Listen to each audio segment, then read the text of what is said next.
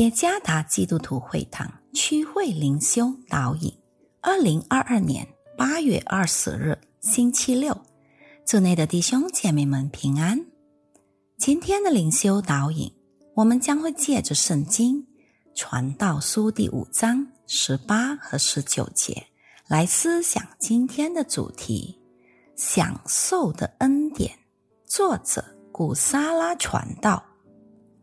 传道书第五章十八节：我所见为善为美的，就是人在神赐他一生的日子吃喝，享受日光之下劳碌得来的好处，因为这是他的份。神赐人资财丰富，使他能以吃用，能取自己的份。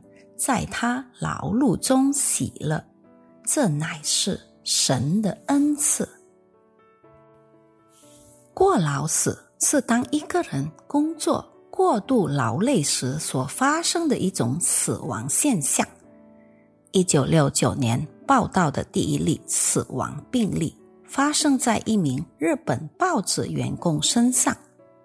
二零一三年，印度尼西亚。又发生了一起死亡病例，一名广告公司的员工在连续工作三十个小时后突然死亡。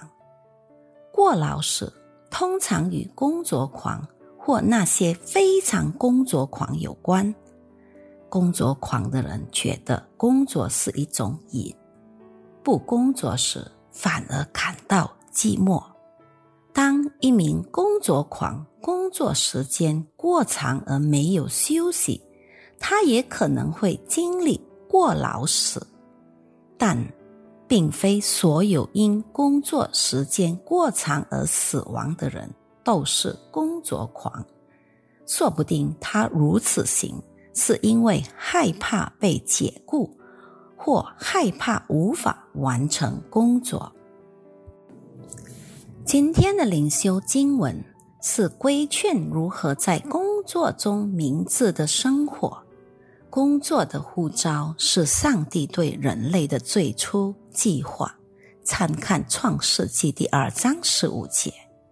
这意味着工作不应该成为一个沉重的负担，而是享受上帝祝福的喜乐。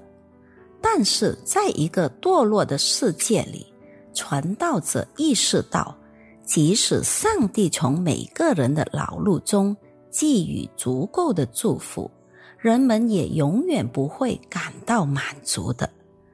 他们忘了享受上帝的恩赐，即能够工作、没时间享乐，并在他劳碌中喜乐。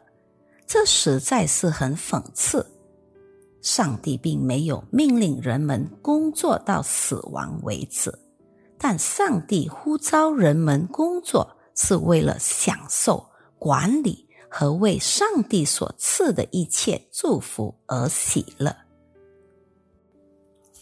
今天，也许你在工作中挣扎求生，经历着应力和压力，花点时间来休息，同时。记住上帝的祝福，上帝希望我们以感恩的心来享受我们工作的成果，即使能够享受，也是上帝赐予的恩赐。